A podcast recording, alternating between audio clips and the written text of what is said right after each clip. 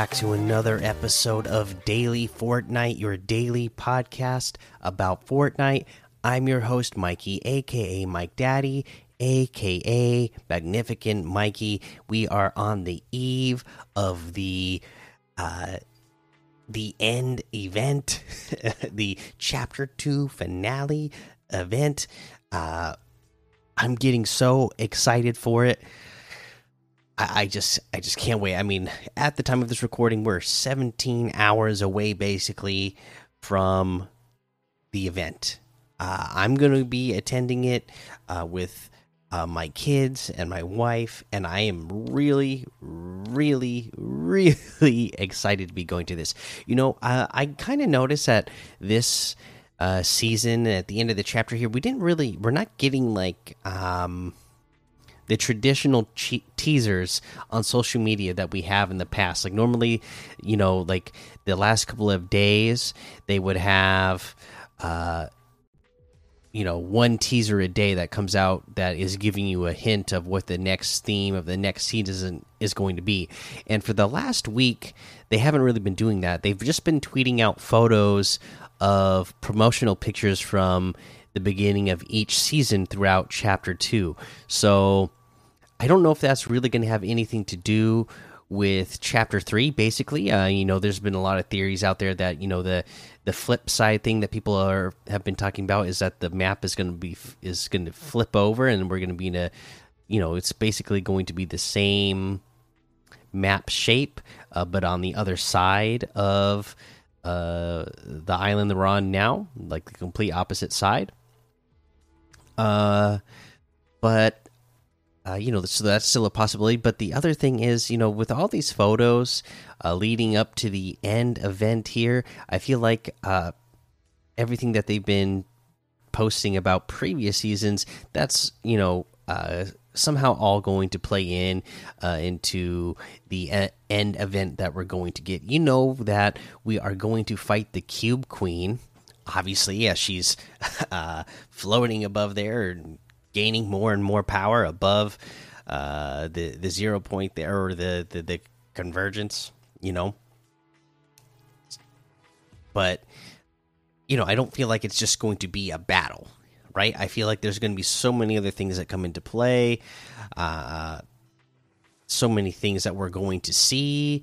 I mean, think about just like what we saw in the uh, Ariana Grande concert, right? I feel like we could get a moment like that where we are like taken through time where we like see everything that has occurred uh, during this uh, entire chapter.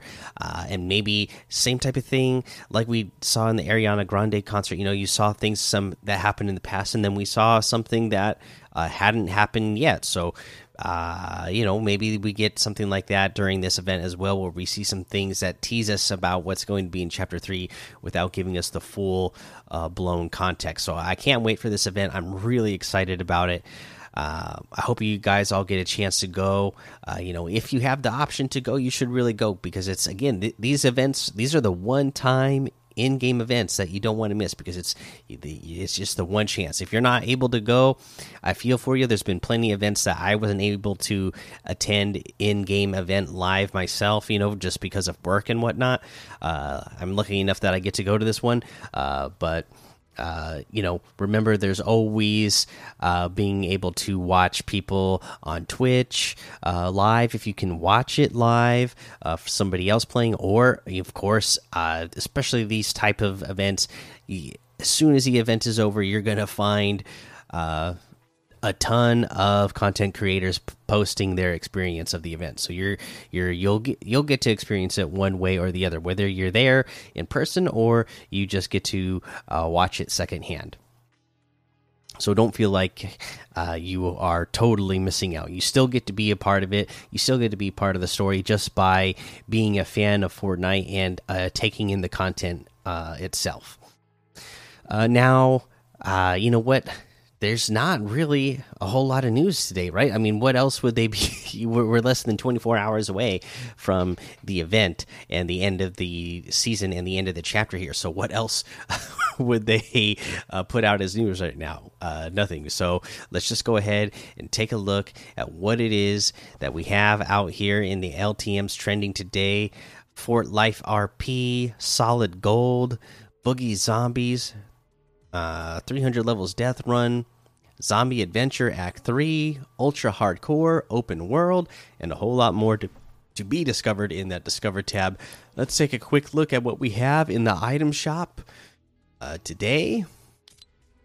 Uh, we are going to have the Tis the Season section, and I imagine so the the the old trooper that we talked about yesterday and the other Christmas items they're here, and I imagine this section of the item shop is still going to be here when we flip over to chapter three uh, because you know it's the holiday season, so they're gonna probably have this "tis the season" section all throughout uh, the entire holidays. So I'm sure, even though that the Fortnite is going to be down for three days, that uh, these three items for sure are going to be guaranteed to come back once everything is back up and running.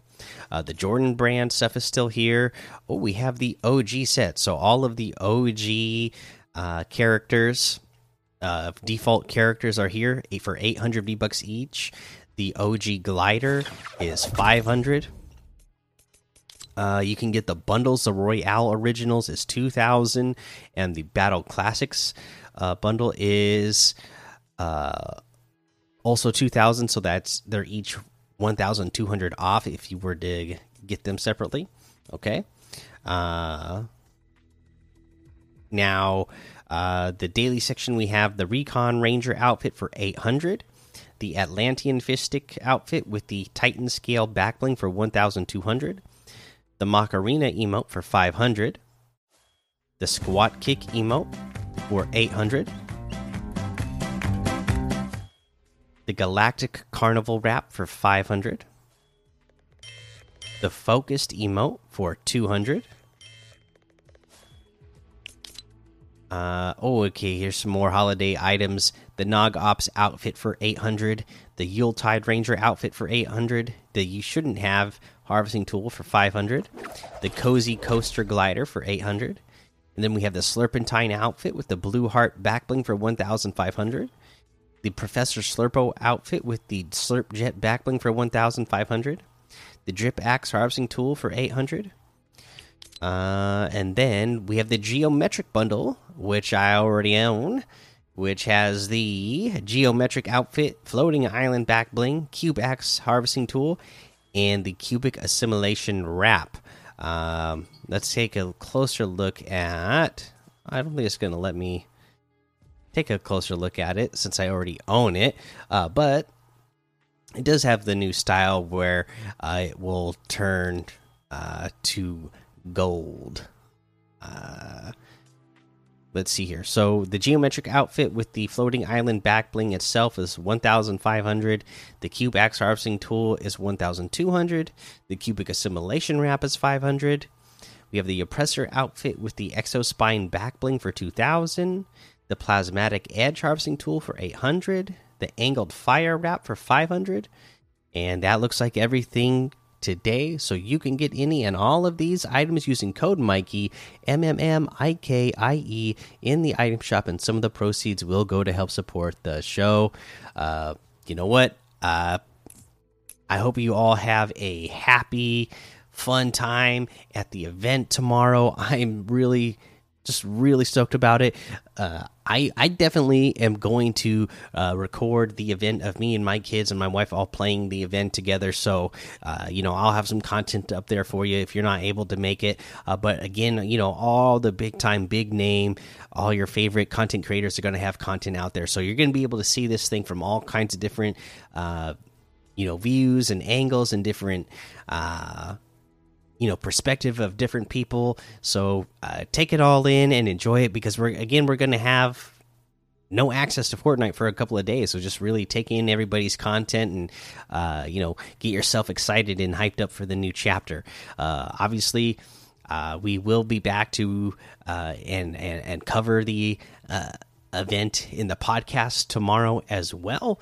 Um, and you know whatever news that we have coming out during the downtime uh, we will definitely cover it here on the podcast but so just because that there's going to be no fortnite that is uh, playable during the next couple of days doesn't mean that we're not going to have the podcast so uh, make sure you keep tuning in and uh, you know find out here any official details that are put out there uh, will be covered or you know any official teasers that are uh, released by epic, epic, themselves will be you know discussed here on the podcast all right. And, you know, and to further that discussion, make sure you go join the daily Fortnite Discord and hang out with us. Follow me over on Twitch, Twitter, and YouTube. Head over to Apple Podcasts, leave a five star rating and a written review for a shout out on the show. Make sure you subscribe so you don't miss an episode. And until next time, have fun, be safe, and don't get lost in the storm.